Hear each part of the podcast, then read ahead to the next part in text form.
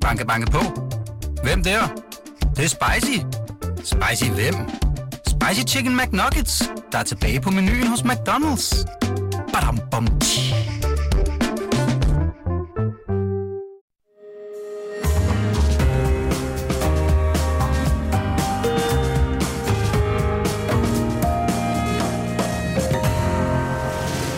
Du lytter til Korto og Steno, en podcast fra Berlingske. Ja, så er vi om sider nået frem til afgørelsen. Ikke bare om, hvem der skal forsøge at danne en ny regering, men også om, hvem der skal sige goddag, og hvem der skal sige farvel til en hverdag på Christiansborg. Lige om lidt, så taler vi med en øh, venstremand og en, og en radikal, der er på vippen. Velkommen til. Mit navn er Jarl Cordova. Og jeg hedder Torben Steno, og vi skal selvfølgelig også øh, kommentere og kloge os på hele valgkampen her det sidste øh, døgns tid. Og øh, det gør vi så til sidst i programmet. Og her der bliver der selvfølgelig også plads til at læse flere af jeres vores trofaste lytteres øh, kommentarer op, så øh, det skal I bare endelig øh, ikke, eller hvad, endelig ikke holde jer tilbage med at skrive på vores Facebook-side Cordua og Steno. Og øh, inden vi når så langt, så får vi så besøg af Berlingskes økonomiske redaktør, Ulrik Bi, der er direkte øh, farvet over, hvor mange overbud, der har præget denne her øh, valgkamp. Og vi, han kommer her ind og øh, cirka 25 minutter og fortæller om, om de uhyggelige oplevelser, han har haft. Nu skal vi byde velkommen til to herrer, som måske har brug for netop din stemme for at være sikker på at kunne fortsætte deres arbejde på Christiansborg. Det er fra Venstre, Kim Valentin. Velkommen, Kim. Tak skal du have. Og for det radikale, øh, det er heavy metal ordfører Stinus Lindgren. Velkommen til, Stinus. Mange tak. Og jeg kan se, at du har allerede dit valgslogan på her. Death to all, øh, står der på din t-shirt. Det er øh, og det er sådan en heavy metal t-shirt, og der er, det, det, der er en masse kranier, og jeg ved ikke hvad, og så videre. Og ja, så, så er vi i gang, Torben. Ja, Øh, Stinus, øh, det ser jo ikke sådan øh, super godt ud for de radikale i meningsmålingerne, men øh, nu har du jo chancen for at tale direkte til de vælgere, der ikke allerede har afgivet deres stemme. Valg, øh, valgstederne har jo været åbne i to timer og syv minutter, øh, og du kan påvirke den her nu. Hvorfor skal man stemme på dig personligt, altså hvis altså man kan det, øh, der hvor, hvor man kan stemme, og det er jo så i Københavns omegns storkreds. Det er helt over for Lyngby, og så hele vejen ned til sydkysten nærmest, ikke? Det er korrekt. Sammen med Kim, skal jeg lige sige. Samme, Ja, ja. Samme storkreds. Det er samme storkreds, fuldstændig korrekt. Ja. Jamen altså, Hvorfor skulle du have 3-4 år mere på Christiansborg? altså jeg, jeg, jeg føler ikke, jeg er helt færdig derinde. Jeg synes, jeg har bidraget med noget, som øh, jeg ikke lige kan komme på andre kandidater, der, der har. Altså jeg har en, en anden baggrund. Jeg sidder med som forsker, øhm, har faktisk været ude i pulserende erhvervsliv inden, øh, og har nogle andre perspektiver. Så jeg synes, at jeg er beskeden, at jeg faktisk har bidraget med nogle ting derinde i løbet af de sidste tre et halvt års tid. Øhm, og jeg, jeg synes ikke, jeg er helt færdig. Der er stadig noget på sundhed, psykiatri og forskning, som jeg rigtig gerne vil bidrage Er til. det, ikke, er det ikke typisk, at, at du er sådan en, der høster anerkendelse, måske hos nogle journalister mm. blandt andet her, mm. og hos uh, politiske kolleger, men sådan den almindelige vælger, de aner ikke, hvad det er for nogle triumfer, du har fejret, vel? Jeg er ikke helt sikker. Altså jo, jeg er sikker på det første. Jeg får, jo, jeg får faktisk utrolig mange positive kommentarer, både fra, øh, fra andre, øh, ja, andre kandidater, fra øh, andre partier, men også når jeg står på gaden. Altså, der er, bare i dag her til morgen, hvor jeg stod på Lyngby Station, har der været rigtig mange over at sige, at de synes, jeg gør det rigtig godt. Jeg hører også fra mange, der synes, at, at de håber på, at jeg får lov til at fortsætte. Også mange, må jo ærligt at sige, som siger, at vi stemte på dig sidst, vi håber, du får en chance til, men vi kan simpelthen ikke stemme på radikal den her gang. Og det gør det jo altså lidt svært. ja, det er stemmerne, der afgør det. Jamen det er det. Hvorfor, hvad, er det til, til dem, som, som synes godt om dig, og synes, at du har gode resultater? Hvorfor er det, de ikke kan stemme på partiet den her gang? Er det, er det simpelthen, fordi det er for tosset at vælge Mette Frederiksen, og så pege på hende igen? Det er klart, det er en del af det. Det er der hele forklaringen. Altså, jeg har brugt, jeg ved ikke, hvor mange timer i den her valgkamp på at forklare, hvad fanden var det egentlig, vi, vi sagde, og hvorfor. Så det er da klart en del af forklaringen. Det, det giver sig selv. Øhm, hele det, det forløb, øh, det er jo det, der har præget hele, hele valgkampen for vores parti. Så er der også øh, dig, Kim. Øh, hvor længe øh, har du siddet i, øh, i Folketinget? Ja, siden sidst øh, vi blev valgt ind der i juni måned 2019. Og hvad har du lavet egentlig? Tak, tak for det direkte Jamen, spørgsmål. det er det jo. Der Ja, det er jo en stor For de folketingsgruppe. lytter, der ikke har kendt til din métier og dine, Ja. dine store sejre nede i Folketingssalen og Ja, de for, lovforslag, du har fået igennem. Hvad, hvad, hvad vil du selv fremhæve? Ja, altså, jeg synes, at en af de ting, jeg virkelig har brugt tid på, det er afskaffelsen af forsvarsforbeholdet. Som Europaoverfører for Venstre har jeg været dybt involveret i, i det, og, og, og jeg er glad for, at det lykkes, fordi jeg synes, at Danmark er kommet et andet sted hen, et bedre sted hen, fordi vi har fået det forbehold væk, øh, så kan vi tage del i det ansvar, der er for Europas sikkerhed. Øh, så det er en rigtig vigtig ting, som, som jeg har beskæftiget mig rigtig meget med i løbet af det sidste års tid. Så er jeg næstformand i Finansudvalget, og det er selvfølgelig også interessant for mig, fordi jeg har den her erhvervsbaggrund, finansbaggrund, øh, og jeg glæder mig til at være med til at, hvis jeg bliver valgt ind, at uh, lave en ansvarlig økonomisk politik for, for Danmark, så kagen kan blive større, så vi kan betale den regning, der ligger på sundhed, for klima. Fordi hvis vi hele tiden gør den der kage mindre, jamen så er der ikke nogen uh, til at betale for sundhed og, og klima uh, i fremtiden. Det får du nok ikke uh, overbevist Pia Olsen Dyr om, vel? Det er heller ikke min opgave at overbevise hende, øh, vil jeg sige. Men jeg håber på, at vi får en, en, en blå regering, fordi der er brug for den politik, som en blå regering kan lægge frem. Ja, det er ikke mere, jeg vil synes, det var mere interessant at sige, hvad vil du bruge dit oppositionsmandat til? Fordi som sagerne står lige nu her, og klokken den er 10 minutter over 10, der er altså ikke noget, der tyder på, at øh, vi får en blålig regering. Det, det skal man da være meget optimistisk for at tro på, ikke? Der er 24 procent, der stadig tvivler Uh, jeg tror ikke, der er noget afgjort før uh, klokken 8 i aften, når den sidste er sat. Men jeg, jeg tænker bare, at man kan godt stemme på dig for at stemme på en venstremand, der skal sidde i opposition, og så sige, hvad skal du bruge dit oppositionsmandat til? Altså, jeg er stillet op uh, for at gøre en, en god indsats uh, for mit parti og for den politik, som vi, vi laver. Jeg synes, vi har noget ambitiøs politik, som kan få få øh, en ansvarlig økonomisk politik på, på dagsordenen. Det tror jeg, vi har brug for i den her tid, hvor der er inflationskrise, og vi skal betale en masse regninger alle mulige steder fra.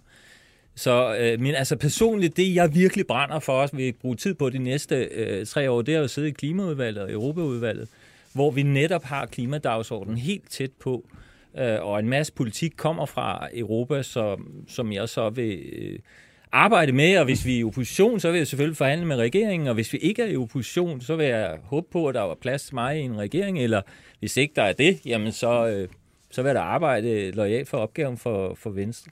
Og så vil jeg lige sige, nu, nu sagde du, du havde en fortid som, øh, i, i, i finans og andre ting. Øh, ja. Du har også en fortid som første divisionsspiller på B1903's øh, pokalvinderhold tilbage i 1986. Nu kommer, nu kommer slagvaren. Ja. Hvor, hvor, hvor du havde... Jeg er glad for, at du kan huske det. Ja, det er fordi, jeg så det her forleden dag, og øh, det, det, det, jeg, jeg har, nu, nu, nu min, min billede har ændret sig fuldstændig. Ja, der, ja, Kim. At, ja, ja. Du, du virkelig også har, er gammel sportsmand. Det ja, det, er jo, du mener, at jeg kan tage tre på foden, det er også okay. Ja, det er jo for eksempel. Ja. For eksempel. Ja. Og det kunne jeg godt tænke mig at spørge dig. Udover, altså, vi, ja. du er selvfølgelig øh, meget, meget kompetent. Du er i specielt fransk heavy. Øh, det husker I stadig. Det ved, det ved jeg. Ja, det, du, det, du undlader jo ikke at gøre opmærksom på det, når vi, øh, hvor, når vi øh, vores veje øh, skal man sige, mødes på, på de sociale medier.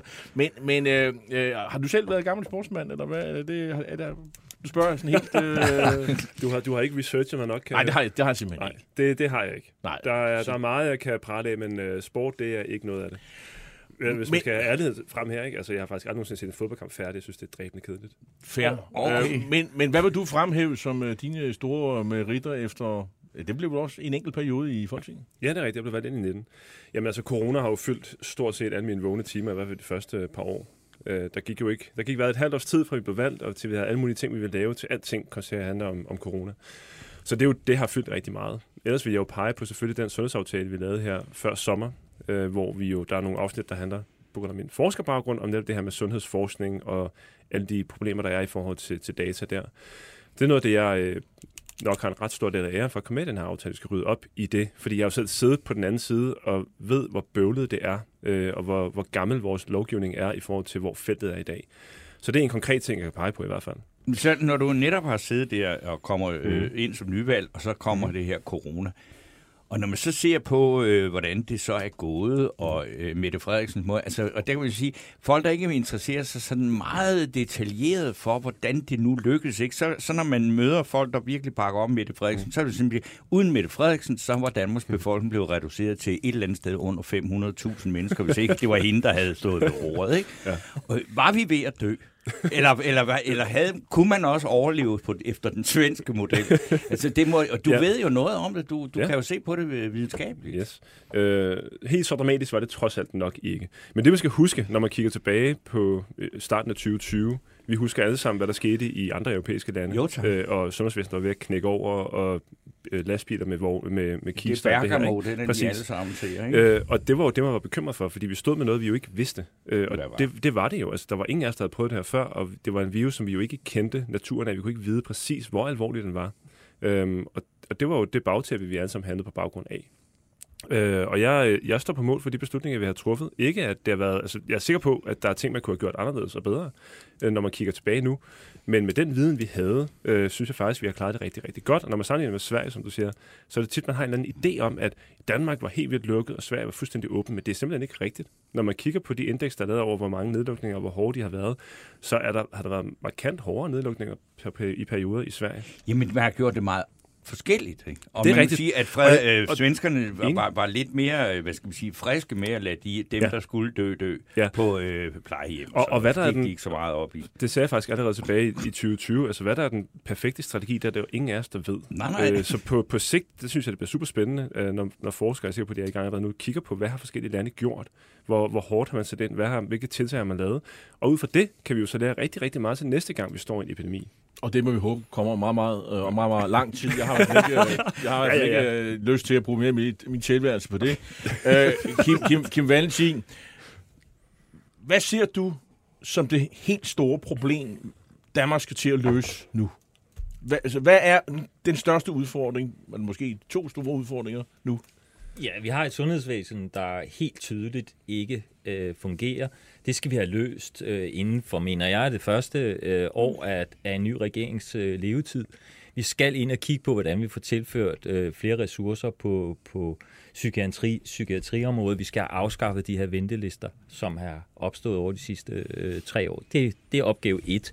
Så den grønne dagsorden er jo lige så vigtig, det er bare et andet sted i vores øh, samfund, hvor vi jo er helt, det er helt afgørende, at vi går foran, det skal vi, men vi skal jo ikke løbe foran, vi skal have andre med, fordi hvis vi bare løber foran, jamen så, så flytter vi jo ingenting i verden. Men vi har evnen til at flytte verden.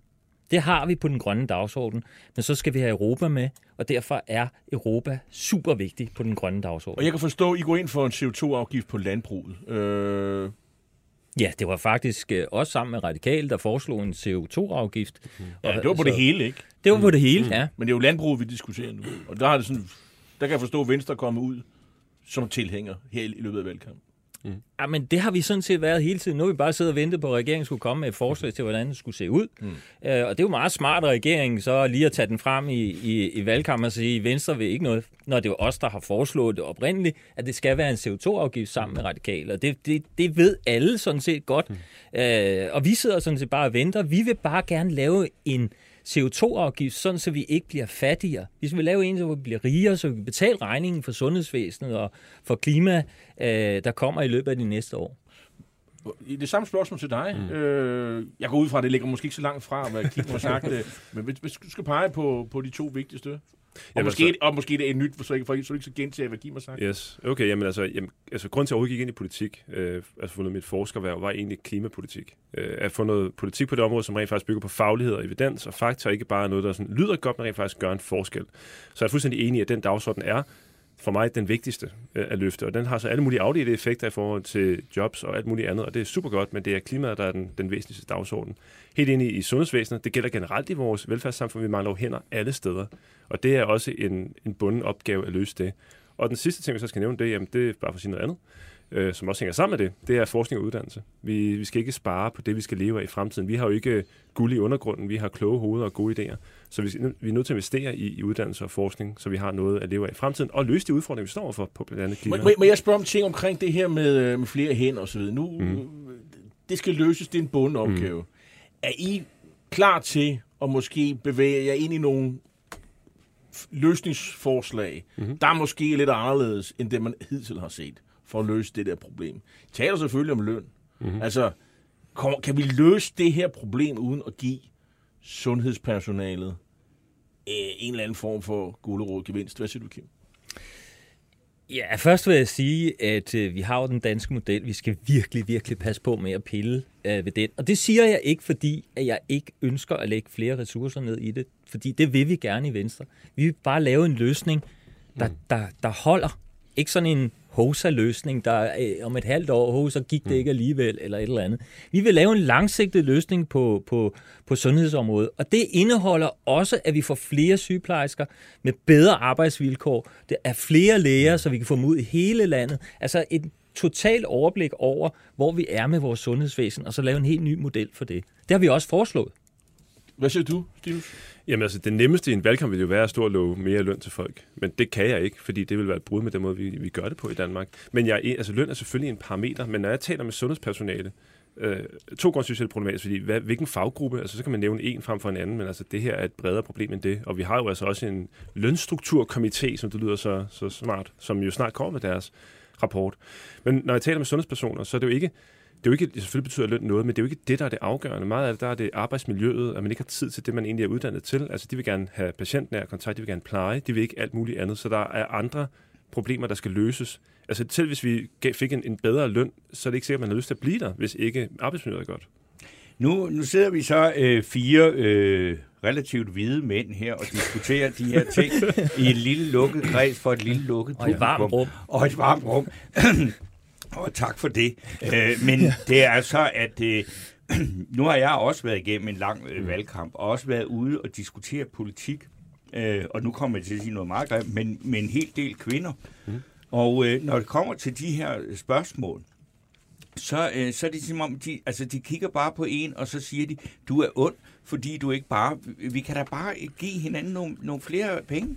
Nogle, mere, no, øh, nogle flere øh, højere løn og, og f- højere normeringer. Alt. Staten kan da bare gøre det. Og man kan ligesom ikke sige, "Men hvor skal pengene komme fra? Jamen, det ved jeg ikke. Det må staten jo finde ud af, siger man de så. Altså, er det ikke helt... Altså, kan I, kan I ikke øh, lokkes til at komme lidt vælgerforagt? Nej, Fordi jeg, det det, det, det synes jeg faktisk ikke, at, det. at, Før, før, først i morgen, der vil vælgerleden brede sig. øh. Nej, men altså, jeg har haft den snak rigtig meget, også fordi ja. jeg har den baggrund, jeg har.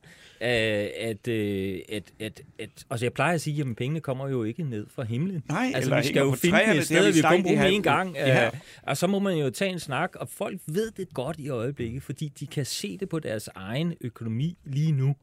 Der, der er rigtig mange, der har en privat økonomi, som ikke hænger sammen. Ja, og så Og vil så- de gerne have, at staten kommer med Og, nogle og, flere Ja. og du er privatøkonomisk rådgiver. Det, det, det, Det har jeg gjort, prøvet at bruge meget tid Ja. på i hvert fald Ja. gennem mit liv. Ja. Men, men det, det, altså man skal jo gribe momentet, fordi mm. man kan sagtens lave parallellen imellem det, der sker i en privat økonomi, og det, der sker i, i statens øh, finanser i, i øjeblikket. Den inflationskrise, der er, den påvirker jo også statens mm. finanser. Øh, altså derfor er, er det, det samme problematik. Vi skal passe på med, hvad vi bruger vores penge på, fordi om lidt, så er der ikke flere penge. Øh, og derfor skal vi føre en stram økonomisk øh, politik. Tinus Lindgren. Jamen altså, jeg er jo meget enig. Altså, det, det er nemt at love penge ud. Det er meget sjovere at give penge ud, end det er at forklare, hvor de kommer fra. Men netop den situation, vi står i lige nu, og det har jeg, altså, jeg har haft mange debatter øh, omkring det her, øh, der siger jeg, det som det er. Altså, nej, vi går ikke ind for bare at sende flere penge ud til folk, fordi de har det hårdt, fordi det bare gør problemet værre. Øh, vi kan ikke løse inflation i Danmark. Vi kan i hvert fald lade være med at lave ting, der gør den værre og forlænger den. Så der tror jeg, vi er meget enige øh, omkring tilgang til det her. Det er jo bare de barske realiteter. Godt, så er der et spørgsmål fra en øh, lytter, der hedder David Pike Sonne. Kan Stinus konkurrere med Monika Rubin? Vil de radikale lige så meget som de moderaterne med, med, med, hensyn, med hensyn til IT, regionerne osv.? Vi vil ikke det samme. Altså, vi er jo ikke øh, tilhængere af at nedlægge regionerne, som jo er moderaternes øh, politik. Ja, Øhm, nej, eller det er I ikke. Ja. Nej. så jeg, jeg, altså, afhængig af, hvad der ligger i spørgsmålet, vi vil noget forskelligt. Øhm, jeg, jeg er ikke enig i, i den løsningsmodel, der er kommet frem fra, fra moderaterne i forhold til, hvad problemet er. Øh, jeg enig i, at der er problemer i vores sundhedsvæsen. Det er klart, når man sidder der. Jeg sidder også i regionsrådet, så vi, vi ser det jo. Men mange af de ting, der bliver peget på, er jo noget af det, som vi også har taget blandt andet i sundhedsaftalen i forhold til at fjerne de barriere, der er på tværs øh, af landet. Og så vil jeg være bekymret for en centralisering. Øh, personligt mener jeg ikke, at det er løsningen øh, at lægge alting ind på borgen. Når man nu har været derinde, hvis alle lokale problemer pludselig skal tages op i samråd på, øh, inde på Christiansborg eller op på ministerniveau. Det har man lidt Så sådan indtryk af, det er, at det er sådan, I kører tingene. Og det er ikke, jeg er ikke år. sikker på, at det er den optimale måde at køre det på. Jeg tror, det er klogt at have noget folkevalgt, der er tættere på, på der, hvor lokale problemer er. Kim øh, Valentin, øh, hvordan er det nu med Venstre? Går I ind for at nedlægge regionsrådet eller regionsråden, eller hvad? Nej, det gør vi Det var, ikke. det, var, det, var, det var gamle Venstre, Ja, ja, under det- Lars Løkke, der gik Ja, det, det. det har Lars jo taget med til øh, Moderaterne. Ikke? han jo. Men, altså, altså, så, så sådan er det.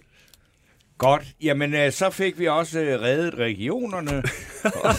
Så er der vel kun at ønske de herrer og alle I andre, der er ude og kæmpe for stemmer, en, øh, en rigtig god valgkamp. I har, Ja, I, er, I skal jo kæmpe til klokken 20. Det det. Ja, I Men har må, jeg- sådan må jeg komme med en enkelt afsluttende kommentar? Ja, om mig? Det er, at uanset hvilket parti man vælger at stemme på her, så vil jeg anbefale alle at stemme personligt. Find en kandidat, der rent faktisk matcher noget af det, du står for, eller det, du synes er vigtigt inde på Christiansborg. Fordi det, jeg har lært i de øh, tre og et halvt år, vi har siddet derinde, det er selvfølgelig betyder antal mandater meget, men de personer, der sidder derinde, betyder nok endnu mere i forhold til, hvad kommer der ind på forhandlingsbordet, hvad er det for nogle emner, der bliver taget op, hvordan samarbejder man på tværs. Og det, det er jeg ikke sikker på, at alle folk er helt klar over. Det er, jeg har også arbejdet på Christiansborg, det er jeg meget, meget enig i. Der kommer mange mm. mennesker ind, som folk ikke kender, og de skal selvfølgelig have chancen. Men Ja. ja. de er også uprøvede kræfter, øh, og nogle af dem er, for at sige det livet, amatører. Der er også Men en- altså, det er jo også det, som øh, man kan sige, du startede jo også helt fra scratch, og det Ja. gjorde du også, Kim. med. Ja, ja. Men er du enig i... øh, det, øh, Og jeg skal være professionel fodboldspiller igen, hvis jeg ikke kan Ja, ja. Held og lykke. Findes, findes der en Ja, der professionel en Det er liga. klar over, Men, men du, du er vel enig i, øh, at man skal stemme personligt? Ja, ja, for Søren, det er jo super vigtigt. Hvis jeg skal ind, så skal man stemme personligt på mig i, i omegnen. Så herved er opfordringen givet videre. Kan I have det rigtig godt, og øh, held og lykke i aften. Tak for Og i det. morgen, ja, i morgen og aften, det er jo sådan, det er. Godt. Tak, Tak for det. Tak, tak for det. Banke, banke på. Hvem der? Det, det er spicy. Spicy hvem? Spicy Chicken McNuggets, der er tilbage på menuen hos McDonald's. Badum, bom, tji.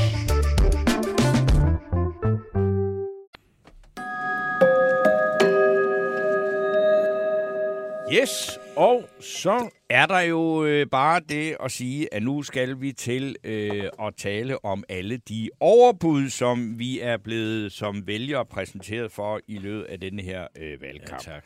Og øh, nu er den heldigvis næsten slut, i hvert fald klokken 8, så tror jeg ikke, der kommer flere Ah, det kan, overbud. det kan nok nås endnu. Øh, ja, jo, der kan sagtens nå det endnu, men øh, velkommen Ulrik Bi, Berlingskes økonomiske redaktør. Tak for det. Og øh, vi har jo bedt dig om at komme, fordi i avisen i går, der havde du en klumme, hvor man siger, du, du nærmede sig noget, jeg vil kalde forarvelse.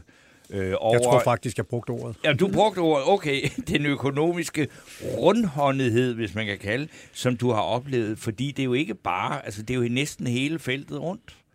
Øh, og, og så siger hvorfor er du så vred? Er det ikke bare sådan demokrati og valgkamp? Det betyder, at man lover en hel masse, som øh, man ikke lige ved, hvordan man skal finansiere. Og så øh, håber man bare på, at folk glemmer det, når man har fået de stemmer, man skal bruge. Altså, der er jo forskellige måder at drive valgkamp på i forskellige lande. I Tyskland har man øh, dybt detaljerede programmer, hvor man øh, debatterer indhold, øh, når man har debatter. I Storbritannien laver man sådan nogle manifest, fordi man jo Ja. ofte har etpartiregeringer. Og det er faktisk regeringsgrundlag, og der, det kan man bare se, Rishi Sunak, den nye øh, premierminister, han taler om, hvilke dele af regeringsprogrammet, af valgprogrammet for 2019, der nu skal opfyldes. Herhjemme har vi en anden tradition. Vi har jo faktisk, synes jeg, øh, re- ret ansvarlige politikere helt generelt. Men det er ligesom om, de skærer ud tre uger hver fjerde år, øh, hvor det- vi har det valgkamp. Fordi der, i Danmark har du aldrig flertalsregeringer, og det vil sige, det er et eller andet sted gratis at, at love ting, fordi du kan bare sige, at det forsvandt i forhandlinger med de andre partier. Ja. Men det, der jeg synes, der har været exceptionelt i år, det er omfanget af uansvarlighed. Og det er jo ikke, og, og det gælder jo hele vejen rundt. Det er jo ikke kun et spørgsmål om at bruge flere midlertidige penge. Det er også den måde, vi organiserer vores samfund på. Det er ligesom om, man bare klasker ting fra alle partierne, smidt dem op på væggen og ser, hvad der bliver hængende. Øh, og, og altså for hver dag, der er det jo steget eksponentielt, hvor meget den her valgkamp ville koste os. Og gennemførte vi det, der er blevet lovet, så var vi jo røget direkte til fat, på Fattigård. Øh, ja, fa- og fattigården, det, uh, det, er jo ikke, det lyder ikke godt. Det lyder lidt, lidt, lidt som afgrunden nærmest. Øh, øh, kan, kan du komme med nogle eksempler? Nå, altså, vi har jo, øh, jeg synes jo, det, det er helt vejen igennem, at kan vi se, der er gået, altså nu, den her valgkamp startede jo i august, Ja. øhm, og vi startede jo med rigtig mange løfter på tværs af partierne med inflationshjælp, for at tage noget af det midlertidige. Mm. Og øh, inflationshjælp, det var jo, øh, nogen ville sænke nogle afgifter, og andre ville smide penge efter de der, alle de stakkels øh, vælgergrupper. Jeg tror, der var nogen, der prøvede at lægge sammen, hvad, hvad, hvad SF mente var, var svage grupper i det danske samfund og noget op på. Det var, det var over halvdelen. øhm, og det er klart, at øh, det er, bare, det er noget af det, det midlertidige. Så har vi jo... Øh, så har vi jo haft sådan noget fantastisk noget, som, øh, som statsministerens øh, pludselig opståede behov for at regulere offentlige lønninger, lige før der kom en lønkommission, som sikkert vil sige, at det ikke var, at øh, sygeplejerskerne ikke underbetalte. Og det er jo noget, der er mere strukturelt. Øh, det er jo der, hvor man griber ind på, hvordan man laver løndannelse i Danmark. Altså, hvordan forhandler man løn helt grundlæggende på det danske arbejdsmarked? Det er også sådan noget, man lige klaskede op på væggen, fordi man øh, håbede, det, øh, det talte ind i en folkestemning. Og så har vi jo selvfølgelig hvad det klima, som jo nu kom der lige her i hen over weekenden, fik vi lige skruet på knappen en gang til. 80% målsætning øh, begyndte man lige pludselig kom ud af det blå. Det er også et dejligt pænt tal. Altså ligesom 70 procent var et dejligt pænt tal. Ja, 87,3, det er måske... Ja, det Nå, men der er jo ikke noget, der 7, ligger 6, bag. 5, Det er jo bare nogle tal, man slynger Ja, ud. 100.000 øh, hektar skal ikke sprøjtes. Altså, det er også et dejligt rundt tal. 100.000 og ikke 87,7 øh, et eller andet. Og det er bare, der er alle de her ting, der bliver meldt ud. Der er rigtig mange forslag, hvor vi kan sige, at vi kan ikke se sammenhæng i de økonomiske planer. Ofte kan vi ikke få forklaret, ligesom, hvad vi bruger pengene, øh, hvordan pengene ligesom skal, skal komme, og hvad detaljerne i de her ting er. Øh, 50.000 ekstra par hænder fra de radikale. Jamen, det lyder nu de reformivrige igen, og de stiller ufravigelige krav. Men de kan jo ikke forklare, hvor de der 50.000 skal komme fra. De har- havde meget, meget svære problemer med at skaffe øh, de der, jeg tror det var 10 10.000, de, Ja. de, de lovede i, i forrige valgkamp, og nu er det altså lige gang fem, og ingen ved, hvor, hvor de skal komme fra. En anden ting, hvis man kan bidrage med, det var jo sådan en alternativ, som jo blevet hot igen, øh, og som øh, øh, mange fra, skal man sige, den ur- urbane øh, Elite. ku- kult, kulturelle elite. Den og, grønne og, klasse. Ja, det kan man sige. 30 procent, øh, undskyld, 30 timers arbejdsuge. Øh, Nå, hvordan, også- hvordan skal det finansieres? Bum, sådan. Øh, det kan man bare... Nu holder vi fri alle sammen. Ja, men de, jeg går forbi Christiansborg, og de har sådan en uh, fantastisk en noget med, hvad var det, uh, Gud gav dig fri om søndagen, ikke? og uh, fagforeningen gav dig fri om lørdagen, og Alternativet giver dig fri om fredagen. uh, det lyder jo fantastisk. Jeg, Og, jeg kan godt øh, tænke mig at gå hjem, jamen- hjem tidligere og holde, holde lille fredag om torsdagen. Jamen, Det, det og det er, det er jo faktisk mange, der... Det er jo, det er jo netop det er designet til den urbane elite, fordi de kan forstå det her. Der er rigtig mange kontorjob, hvor man kan diskutere, om hvis man organiserer, det gør, det er noget, man arbejder meget, meget i, til, i øh, tech-industrien, at man faktisk, hvis man er- arbejder effektivt i fire dage, så behøver man ikke den femte dag. Mm. Men sådan er det jo ikke, hvis man er på et hospital, eller hvis man er, altså et andet, hvor man ikke kan øge produktiviteten med 20 procent bare sådan. Og nu derfor er vil det jeg sige, at eliten, forslaget kom fra. Teresa Scavenius, og det var hende, der Nej, det er- formulerede det her, det er Nå, jo, men det var øh, hende, der formulerede det i går, og hun sagde, at det var, det var det øh, instrument, Alternativ havde til den øh, løsning af den akutte krise i sundhedsvæsenet. Det synes jeg var spændende. Ja, til at reducere ja, arbejdstiden. Ja, ja. I forvejen er det jo et af problemerne i sundhedsvæsenet, at rigtig mange er på deltid, øh, som det er. Altså, man må bare sige, øh, hvis vi skal være meget nøgterne, så prøvede franskmændene at sænke arbejdstiden, hvis I kan huske det, øh, til Yes. 35 timer, for at få flere i arbejde, fordi så, altså, hvis der er det samme antal job, arbejder med mindre, jamen, så er der flere, kommer i beskæftigelse. Hvad skete der i Frankrig? Arbejdsløsheden bragede i vejret bagefter, og det er et kæmpe problem, de har slæbt rundt på, fordi En- det gør det hele mere ukonkurrencedygtigt. Ulla B., nu har vi været efter vi har lige umiddelbart kunne se øh, partier i, i Rød Blok. Øh, Ja. hvad, er, hvad, med, hvad med hvad partierne i Blå Blok? Er de øh, også øh, hemmelighedsløse i, i deres øh, krav? Jeg kan i hvert fald få øje på Dansk Folkeparti, der kom med et øh, krav om, at nu skulle der pludselig 10 Tilbageindekseres. milliarder øh, til øh, inflationsramte danskere. Ja, altså, det er jo, altså de, har jo, de skal jo bare dele ud. De har så et andet segment. Øh, SF deler ud til børnefamilierne, og Dansk Folkeparti deler ud til pensionisterne. Ikke? Altså, men det er, jo, det er jo stadigvæk hammerende uansvarligt, det der kommer derfra. Øh, som sagt har, har vi jo haft øh, de her meget øh, inflationshjælp er også kommet fra VRK. Øh, der er intet pænt at sige om, øh, om Venstres øh, synes jeg, økonomiske programmer i det her. Vi har haft meget, meget svært ved at få noget som helst ud af dem om noget som helst. Øh, så, så det her er jo ikke... Jeg synes, det her er et demokratisk problem i forhold til, at den dialog, man bør have i en valgkamp, bør være baseret på noget substans. Det her, det og tænk på, bare tag, tag sådan, nu, nu der er, jeg, jeg er lige meget uenig med dem, men bare tag sådan noget, hvor Socialdemokraterne jo mener, at enhver besparelse i den offentlige sektor er et, øh, er et mor på velfærdsstaten. Hvorefter de kommer ud med, at de kan finde 4 milliarder i øh, jobcentrene til skattelettelser. Ja. Ikke? I dagen før, der ville enhver skattelettelse undergrave velfærdsstaten. Det er de jo heller ikke blevet holdt op på. At det er ligesom om, alle slynger bare noget ud, og så løber vi videre og glemmer, hvad det er, man har sagt. Men det vil jeg da gerne Jeg holde vil jo på. så sige, at at det er jo klart, at hvis man tager alle de bud, øh, som du har ramset op i øh, din klumme her, og så lægger dem sammen, så er pengene brugt virkelig mange gange. Ja. Men det er jo så også, hvis, hvis man havde en samlingsregering, der gennemførte samtlige overbud. Ikke? Der er jo noget, man må sige, man kan jo godt øh, altså, øh, hvad siger, det, ikke er, det, det, det, du er ude efter, at Venstre for eksempel køber Arne-pensionen. Nå, altså, det, der er jo, der er jo altså, meget, det sagde de jo også, at øh, det er den vælgermæssige øh, virkelighed, at det er sådan, det er. De køber så også finansieringen bag. Ja, det er, lun- det er lidt lunken, kan man sige, i omfavnelse af pensionen. Ja. Fordi Inger Støjberg gjorde det, ikke? Jo.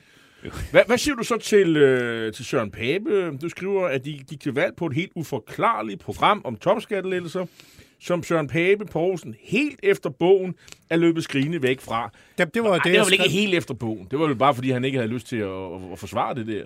Øh, øh, Jo, men det, vi ved, at topskattelettelser i Danmark altid kommer til at blive sat op mod, at det, at det er et mor på velfærdsstaten. Altså, Ja. det, det, det gør det altid. Det er jo ikke første gang, der er nogen, der har prøvet at tale om topskattelettelser. Og det giver bare at komme med noget, når man øh, som Pape jo har haft en strategi, øh, siden han startede som, som formand, med ikke at mene noget om noget som helst, og være en, en nuttet bamse. gjorde han da her Og så- i 2030-planen. Det Og så da kommer man lige pludselig med det der som lyn fra en klar himmel, som jo så også står i skærende kontrast til de andre blå partier. Der var ikke bare ikke noget for mig noget overraskende i. Det skrev jeg i en klumme, da valgkampen startede, at øh, alle kom til at løbe væk fra, hvad, hvis de havde haft noget, som på nogen måde øh, lavede kant øh, til, til andre. Og det er det, vi har set, det er, at man øh, der, altså, jeg ved jo ikke, at man kan jo ikke finde ud af, hvad den økonomiske politik, så skulle man jo starte tilbage i, i starten af august, og så tage hver eneste parti og lægge sammen og trække fra, hvad de har lovet og ikke har lovet, og hvor de har ændret holdninger, hvilket de fleste af dem har gjort undervejs. Men det her, det var jo statsministerpartiet, og de kom med en økonomisk plan. Altså det, det jeg læste der, så sagde jeg, jamen det må jo så være det, det, det, det blå projekts øh, økonomiske politik. Det er det, de konservative Mener du frem. virkelig, at Jamen, det var det det, var- du læste i det? Jamen altså, hvis ikke, det var dem, der var de, de store meningsmålingerne. Ja, ja. Øh, altså, jeg, jeg, jeg, Og jeg man må tog- bare sige- Jeg tog det alvorligt, skulle jeg ikke det? Nej, selvfølgelig skulle du ikke have Nå. taget det alvorligt. Og det er også derfor, at at jeg blev bedt om, om jeg ikke ville øh, kommentere løbende undervejs. Men der er ikke nogen grund til at tage de her ting alvorligt undervejs. Vi vidste, at topskattelettelser ville ikke være øverst på en borgerlig regerings øh, agenda alligevel. Man kan diskutere noget om grænsen. Hvor fanden foreslog de det så? Det er jo det, jeg mener er et uforklarligt, et uforklarligt program. Man må bare sige, når Socialdemokraterne kan finde 4 milliarder sådan på jobcentrene, mm. så kunne det jo godt være, at man over en otteårig periode kunne have fundet lidt flere milliarder efter den konservative. Jeg synes, det, nu desværre kan jeg ikke huske, øh, hvad han hedder, om det kan være, I kan. Altså i den her, øh, midt i valgkampen her, var der en, øh, en af dem, der har været med til at, at lægge den langsigtede strategi for øh, de socialdemokraterne, der har opfundet den her med velfærd frem for skattelettelser. Øh, og han øh, arbejder nu i Dansk Industri, så jeg går ud fra, at han ikke længere er socialdemokrat, og han øh, har faktisk næsten angret, at han har fundet på det slogan, ikke? fordi at det er jo blevet til i folkemunden, at hvis du, hvis du siger, at nu, spar, nu sparer vi, øh, eller laver vi en skattelettelse på 5 kroner, ja, så får øh, Jensen en blæ på 5 minutter senere i kø. Ikke? Altså, der, der- der er, det er fuldstændig, det er mejslet ud, at sådan er det. Jo, og det er jo igen det, man bare må sige, hvor de borgerlige, jeg ved ikke, hvad de lavede hen over sommeren, de hyggede sig sikkert, men de har i hvert fald ikke tænkt sig om. Fordi det her var helt forudsigeligt. Ikke? Altså, vi ved, hvad netop som du siger, vi ved, hvordan det bliver stillet op, og det er man jo nødt til at forholde sig til, når man kommer sådan en plan, i stedet for at være fuldstændig paralyseret over, at der er nogen, der kunne finde på at sige, at det er sådan, når vi ved, det er sådan i Danmark. Og selvfølgelig er der plads til begge dele. Igen, gå tilbage til Socialdemokraterne, der mener, man kan finde pengene bare på jobcentrene. Der er masser af muligheder, selvfølgelig er der det, men øh, det er jo også en prioritering, og det er jo der, hvor man er nødt til at stå ved nogle ting undervejs. Der er et parti, som vi har snakket om i hele valgkampen, og, øh, og der er en erfaren herre, der står i spidsen for det osv., Moderaterne. Når du ser og vurderer det, øh, de har lagt frem, de har lagt en skatteplan frem. Øh, det er jo ikke rigtig lykkes nogen at forstå den, men øh, det, Nej, det, det, det, jo- det kan være, at du kan. Nej, det er jo det. Men igen, så laver man en skatteplan, ikke? Altså, nu har jeg, jeg, havde, jeg holdt foredrag i Jylland, hvilket jo så gør, at man øh, nu på ikke så pænt Greta Thunberg, jeg, jeg havde ikke tid til at gå, eller det var langt væk fra toget, men øh, det betyder, at man har brugt otte timer i bil, ikke? Og, og høre på, på program. Man kan jo ikke få noget ud af dem om noget som helst. Den der, nu skal man have en borgerpligt for unge, det er fint. De skal Men- bare mælk på så, Men der er jo øh, ikke nogen... Hvad, skal folk have løn? Nej. Jamen, det, ved, det kan, det ved, kan Det du ikke svarer til fortælle. Skal det koste noget? Det, kan, jamen, det, ved, det, ved, det må vi se på bagefter. Sådan kan man jo ikke fremlægge planer. Jo, det kan man jo. Det er jo helt åbenlyst. Men det er jo der, hvor man siger, som vælger, der er der en grund til den her gang, tror jeg, at der er så ekstremt mange, der er i tvivl. Det er jo ikke kun, fordi der er meget at vælge imellem. Det er også, fordi man sidder tilbage og tænker, hvad helvede er det, jeg stemmer på, om jeg stemmer på et parti eller en blok.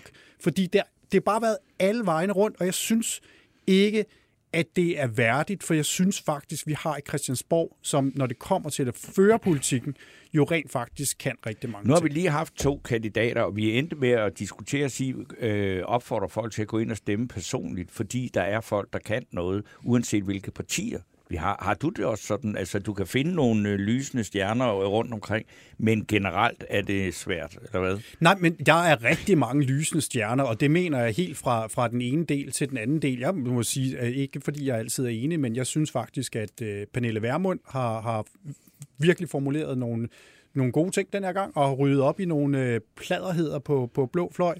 Øhm, og bare det med at differentiere arbejdskraft, altså det her med at kunne tale pænt om udenlandsk arbejdskraft, som vi behov for, som jo...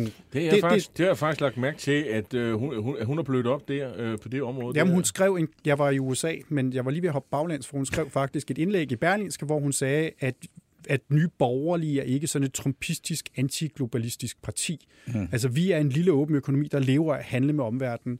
Vi har brug for udenlandsk arbejdskraft. Vi har brug for at være åben mod omverdenen. Så var- har vi et problem med dem, der er på overførselsindkomst. Det var ikke det, hun gik til valg på tilbage i 2019. Nej, men læg mærke til, hvor stor forskel der er. Vi har haft en valgkamp, og vi vil gerne sige noget pænt generelt.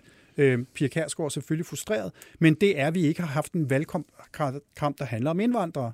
Nej, vi er udlændingsspørgsmål findes statsministeren næsten smed kortet i starten af august, ikke, hvor mm. hun sagde, at hun var utryg i vaskekældrene, det var bander, det var udlændingepolitik. Ja. Og der var ingen, der samlede det op, og det ros især på den blå side for, at de ikke faldt for den. Øhm, der, er- der er kæmpe talenter hele vejen rundt, fra det, fra det yderste venstre og, og ud mod højre. Øhm, men det er jo ikke det, altså, det er den måde, valgkampen er ført på. Og det er partierne, der har valgt at gøre det på den her måde. Og det synes jeg er enormt synd. Og jeg håber da, at der kommer sådan lidt selvrensagelse i de forskellige partier om, at man kræver lidt mere forberedelse andet end Socialdemokraterne har været vanvittigt velforberedte. Det er de altid. Men jeg synes bare, det har været der, hvor man tænker, undskyld, hvad, hvad vil I med det her? Hvad vil I på den anden side? Og hvad er det, vi skal forholde os til som vælgere? Der er det faktisk sådan en som Liberal Alliance. Det er jo noget, det, når vi har været ude på, på Berlinske interview unge mennesker. Det er jo ikke fordi, at øh, Van Opslag er på, på TikTok. Det kan godt være, at det er den måde, han kommer i kontakt med dem på. Men det, de alle sammen siger, det er, at han er ærlig. Mm. Han taler ikke ned til os. Hvis han mener, at man er nødt til at, at gøre nogle ting omkring SU'en, så siger han det også, selvom han står over for nogen, der er på SU. Og det kan de godt lide. Ulrik B., øh, tak fordi du kom og delte De Din iagttagelser. Og jeg håber, det bliver bedre næste gang. Og så må vi jo håbe, at vi ikke ender på, på fattigården, hvis, men heldigvis realiserer de jo ikke alle de her Ej, det- krav. det- Øh, og øh, har, du, har du stemt endnu? Ja, jeg Nå. stemte på vejen herind, og jeg synes, det er jo, man har pligt til at stemme, øh, selvom vi ikke har stemmepligt, fordi det vi er få mennesker på den her klode, der har det privilegium, og det skal vi gøre, og som sagt har vi rigtigt, og jeg stemte også personligt. Og øh, ja, hvis man, man skal bare tage til Rusland, så er det en helt anden Ja. ja. snak. Tak fordi du kom, og have en god øh, valgdag. Tak i lige måde.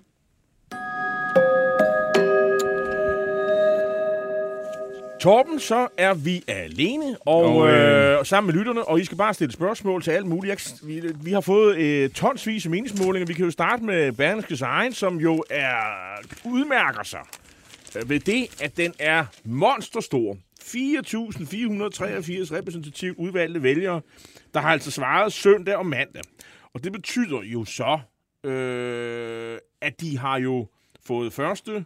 Øh, altså, nogen har svaret før de her partilederrunder, og nogen har svaret efter den første partilederrunde. Så de har altså ikke fået partilederrunden med i går, som jo øvrigt roses fra alle sider. Øh, det, det, øh, der var mange, der synes, at DR's partilederrunde var udmærket, øh, rost, blev rost, øh, og du synes, den var kedelig. Jeg faldt lidt i søvn indimellem. Men jeg synes også, at det jeg så, og nu skulle jeg så ud og hente min søn på et tidspunkt, han var ude og trick or treat i går, så jeg måtte lige øh, forlade den sidste halvdel, men så har jeg jo læst mig til, at at øh, der var en... Øh, at, at, at den, debatten roses for sin savlighed. Har den flyttet vælgere? Det er nok Det spørgsmålet. ved vi jo der er, i hvert i fald, aften. der er ikke nogen, der sådan peger på, at den ene blok øh, masede den anden. Øh, der er nogen, øh, og nu er det, det er jo så Jyllandspostens øh, kommentator, han har begge dage øh, synes, at, at de blå var, var, var mest frem i skoene. Jeg synes, jeg så øh, blandt andet Mike Villadsen være meget mere aggressiv end de andre gange før. Hun, kaldte for eksempel Lø, Lars Lykke for Øh, han fremstiller sig selv som frelseren i dansk politik. Jeg kan godt lide skarpheden i det. Der er jo lidt om det jo, ikke? At øh, det er ham, der ligesom skal løse alle tingene, og, og det blev hun selvfølgelig provokeret af. Og jeg synes, det var det sjovt at se hende, øh, fordi normalt er hun sådan meget sådan, sådan afbalanceret. Lidt, lidt, lidt, man kan godt høre, hun, hun kommer fra Jylland, hvor man er lidt sindig og sådan noget.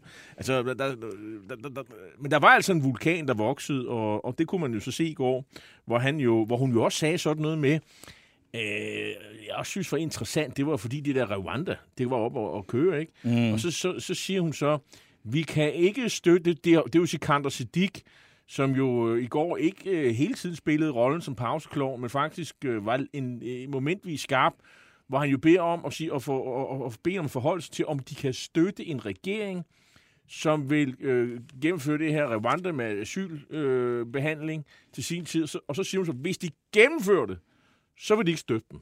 Men altså, indtil videre kan de bare arbejde videre med planen, øh, som øh, blandt andet er Lykke og Venstre bliver jo udråbt som det store Fata Morgana, det siger de radikale vist også. Øhm, Det synes jeg også er meget sjovt, at Lykke altså, har det på programmet, ikke? Øh, fordi at, at, at det at, at gå imod den der, for der er jo, altså hvis vi ser bort fra venstrefløjen og det radikal, så er der jo almindelig konsensus om, at det der med Rwanda, det er en fremragende idé. Ikke? Hvis vi kan få øh, udliciteret et problem til et afrikansk land, det ville da være dejligt, ikke? Øhm, Gallos måling, det er den, der viser totalt dødt løb. Det kan blive både en dreng og en pige. Øh, den siger, at øh, 89 mandater øh, til de blå og 86 til de røde. Og i går der blev øh, Anna Falkenberg valgt for Sambandspartiet, øh, fordi Færøerne de talte jo stemmerne op i går og havde afholdt valg. Øh, og det andet mandat gik til Rød Blok. Så det står 1-1 mellem Rød og Blå Blok. Og det vil sige, hvis den her måling holder i Gallup, så er der et, et flertal mellem de blå og Lars Løkke. Det er jo ikke det samme som, at det bliver blot. Nej. Tværtimod, så øh, har Lykke, og man forstår også på statsministeren sagt, at de vil det brede, og det kan de jo, hvis de vil. Og det tror jeg jo sådan set nok er det mest sandsynlige, men nu må vi jo se. Men i hvert fald, det bliver ikke rødt ifølge den her måling, men altså, hvad skal der til os at flytte de her mandater? Øh, har meningsmålingen i går, som den her altså, øh, undskyld, har partilederrunden i går, som vi jo altså ikke har øh, som altså ikke, øh, man ikke har kunne øh, Registrere. registrere i den her måling. Har det flyttet noget? Det ved vi ikke. Øhm, interessant er det, at øh, når man lige sådan kigger ned over tallene, at Socialdemokraterne er steget til 26,2 i stort set alle andre målinger. Der ligger de under valgresultatet. De, synes- radikale, de konservative er nede på katastrofale 6 procent. Det må jeg indrømme, øh, det er godt nok øh, lavt. Det er altså 0,6 under valgresultatet for sidst. Moderaterne 8,8. Dansk Folkeparti 2,9, altså pænt over spærregrænsen. Alternativet helt op på 3,2 og 6 mandater, altså over det, de fik tilbage i 2019. Øhm, Jeg, jeg synes, det, det er, øh, Man skal man sige, altså en ting er tallene, og nu får vi jo så øh, de rigtige tal her i løbet af aftenen eller natten, at Socialdemokratiet, som jo selv, altså i deres eget billede, har, har nok haft den mest vellykkede regering altså i hele partiets historie, sådan fremstiller de sig selv. Og så alligevel, så ser det altså ud til, at partiet går jo faktisk tilbage.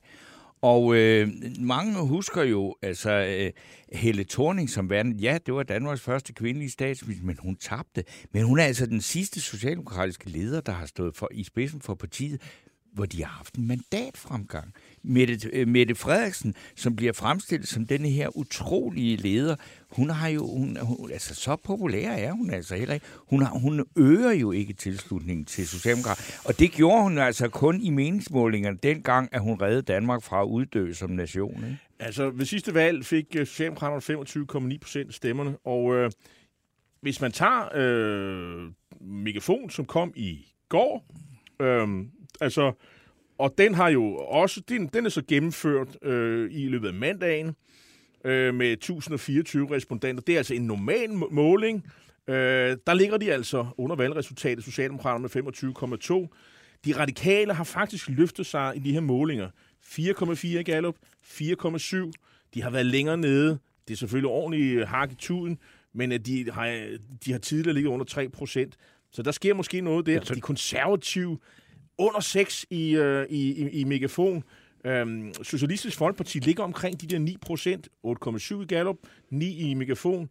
Liberal Alliance ligger rigtig, rigtig pænt.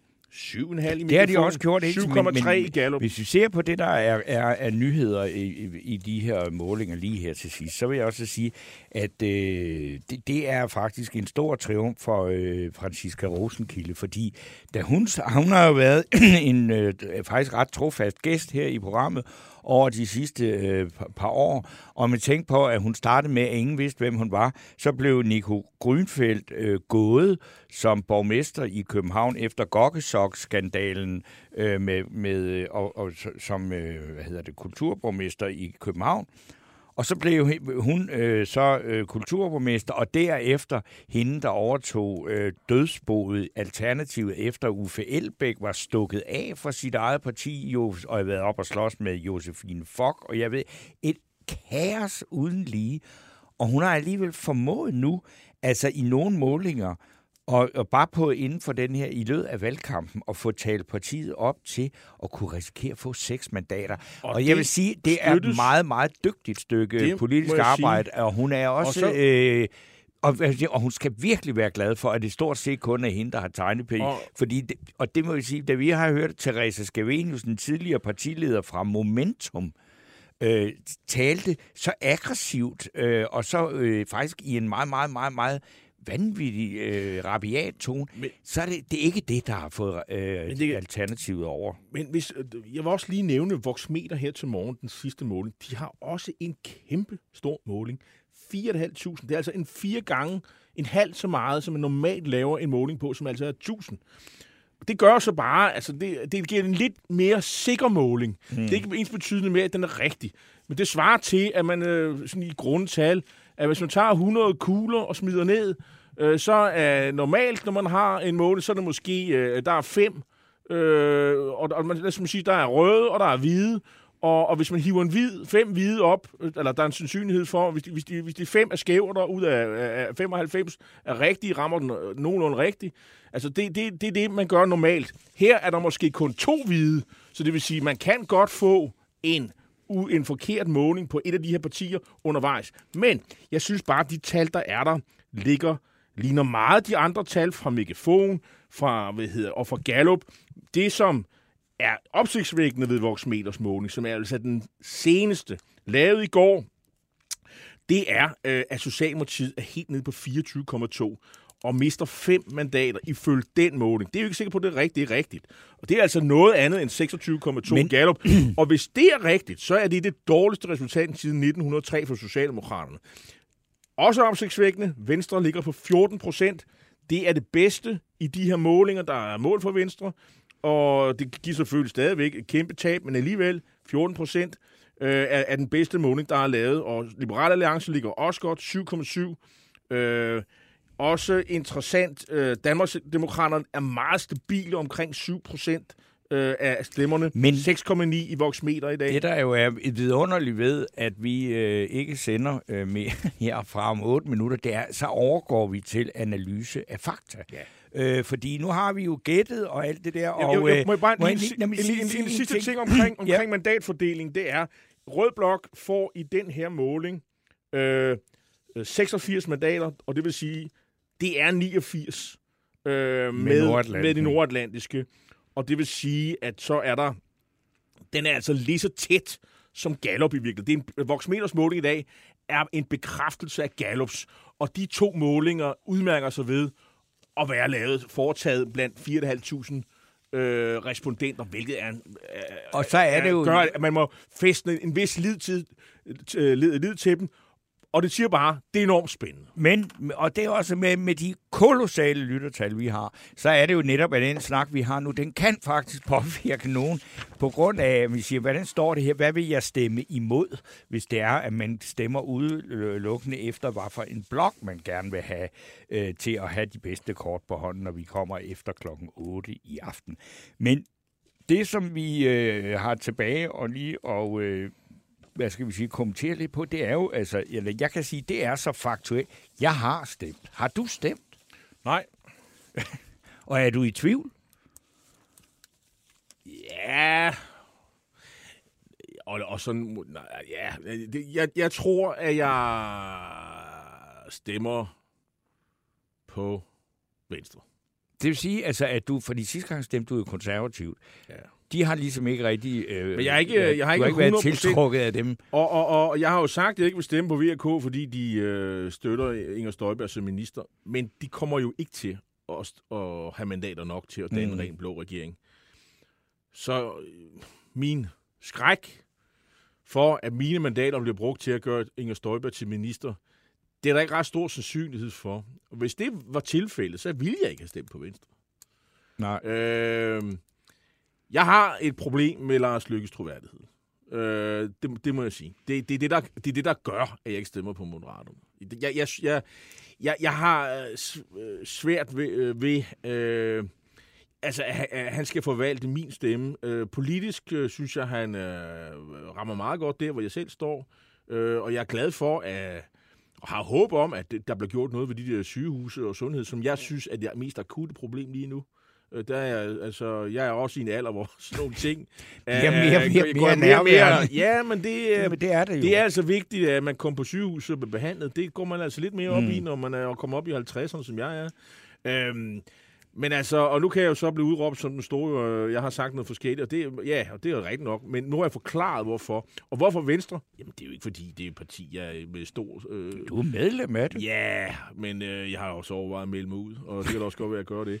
Altså, jeg, jeg synes ikke, at de konservative er en mulighed den her gang. Jeg, og, det, og, det Ej, handler det om, og det handler om Søren Pape. Altså, ja. jeg, jeg har svært ved at forsvare det valg. Øh, Liberal Alliance var også en mulighed.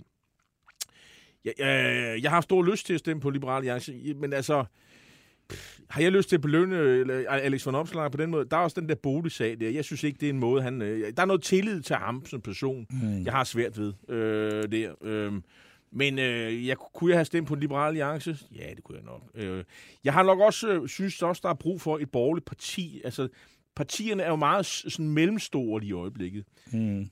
Jeg synes, der er brug for et eller andet parti i blå blok, der udgør en eller anden form for ryggrad, som kan løfte det at være statsminister, som kan udgøre et alternativ til Socialdemokratiet. Men der, der er ikke rigtig noget, det Venstre har foreslået. Der er rigtig meget af Venstres politik, jeg er uenig i. Mm. Øh, rigtig meget faktisk. Jeg, jeg, jeg er meget grønnere end, end Venstre, jeg, øh, mm. vil jeg sige. Øh, og, og, og jeg er også klart storbyliberal, og jeg køber slet ikke ind på den der udkantsdagsorden med omfordeling og sådan noget. Øh, så, og, og der mener jeg bare, at Venstre har svigtet totalt. Så hvis nogen sidder derude og synes, det er godt nok meget selvmodsigende, det der foregår her i, i min behandling, jo så meget- er det fuldstændig korrekt. Selvmodsigelse, det er jo Det er altså en, noget, vi alle sammen oplever igennem hele Men vores liv. øh, altså, det, bliver det, me- det bliver lidt det, det mindst ringe øh, og, Mm. og, og nogle ting. Øh, og, og, og jeg har meget stor respekt for, at øh, der er vælgerne og lytterne derude, de, de når til nogle andre konklusioner. Øh, men altså, og jeg har ikke gjort det 100% op, men det er det, der er planen. Og jeg tror, jeg stemmer på Kim Valentin, fordi jeg synes, at han er sådan nogenlunde den mest konsistente kandidat, der er derude, som også tør have nogle holdninger. Altså, vil du lige nævne, hvem der er hans konkurrenter, ja, hvis det skulle være, der, ikke? der er blandt andet Karen Ellemann, som jo nok kommer ind, ikke? Mm. Og så må jeg har ikke sådan sat mig ind 100% ind i mange af de andre kandidater, men nu har jeg fulgt Kim i nogle år og sådan noget, og jeg synes, det er nok nogle af de... Også EU, jeg leder også efter en EU-positiv kandidat, ikke? Øh, Og han har løftet det der EU-overførskab udmærket. Øh, og ja, han har en, han, han er også sådan... Øh, øh, på det økonomiske område er han, øh, du ved, fiscal conservative, som man siger på engelsk, ikke? Altså går lidt op i, om øh, kassen stemmer, og skatten skal ned og sådan noget. Så det, det, det er sådan, han matcher meget godt mine egne holdninger. Så derfor bliver det nok Kim. Nu må vi se. Okay, jeg, jeg, siger, jeg, jeg lægger mig tryg på sofaen og glæder mig til at følge det. Og se, det, for mig at se, det mest interessante, det er, at det, som, som der sker i Blå Blok, eller så, det, jeg tror, at det vi ser nu, det er, at Blå Bloks leder, Danmarks næste borgerlige statsminister, han kommer til at hedde Alex van Opslag. Fordi det passer med, han skal have otte år, øh, mens Mette Frederiksens øh, hår næsten bliver gråt. Og så, øh, når hun er, har siddet otte år mere, så, så kan vi altså ikke klare mere. Så skal vi have noget andet. Og øh, hun, hun øh, altså, hende har folk måske svært ved at fagne og elske, men de øh, synes, at hun er en tryg hånd ved rettet. Og så er, har hun nok øh, kørt Danmark ned i et eller andet sted økonomisk moras om otte år. Og så er det, så skal de borgerlige altid til, når der skal ryddes op økonomisk. Og så har Alex fået otte år til at komme længere ind på midten og være knap så ideologisk. Og så vil jeg sige, at han er det bedste bud på en rigtig, rigtig god politiker. Og om otte år har vi glemt, at han også godt kunne leve med Inger Støjberg som minister, og at han fuskede med en lejlighed. Inden vi skal sige øh, god valgdag til lytterne, så husk, at I kan faktisk være med i på vores valgmorgen i salongen i morgen. Der er stadigvæk nogle ganske få billetter. Der er en, en, en helt kompakt morgen, hvor man kan møde Tommy Ahlers, Bent Winter, Øh, i Østersgaards salon, det med Mette Østergaard, så kommer vi underholder en time tid med Martin Vines, valgekspert, øh, meningsmålingsekspert, og Søren Pind, vi skal snakke Lars Lykke, og så kommer der øh, Bent Winter og Thomas Berne Henriksen, der også underholder. Så en, en, en pragtfuld for, formiddag i, øh, i, i femte sal, på 5. sal i Pilestræde. Øh, det hele koster 100 kroner, hvis man ikke er abonnent, og 50, hvis man er abonnent. Ind og køb billet. Der er stadig ganske, ganske få. Der er også lidt morgenmad i øvrigt. Og det starter det kl. 8.30. Vi starter klokken 9, men allerede fra 8.30 kan man møde op herinde i Pilestræde. Vi glæder os til at se jer. Ja. Øh, ha' en god valg. God tur ned. Dem af alle jer, der ikke nu ikke har stemt. Vi det har er jeg. tilbage i morgen. Øh, samme tid, samme sted. Og som, som sagt op fra 5. sal. Tak for nu. Banke, banke på. Hvem der? Det, det er spicy. Spicy hvem? Spicy Chicken McNuggets, der er tilbage på menuen hos McDonald's. Badum, bom, tji.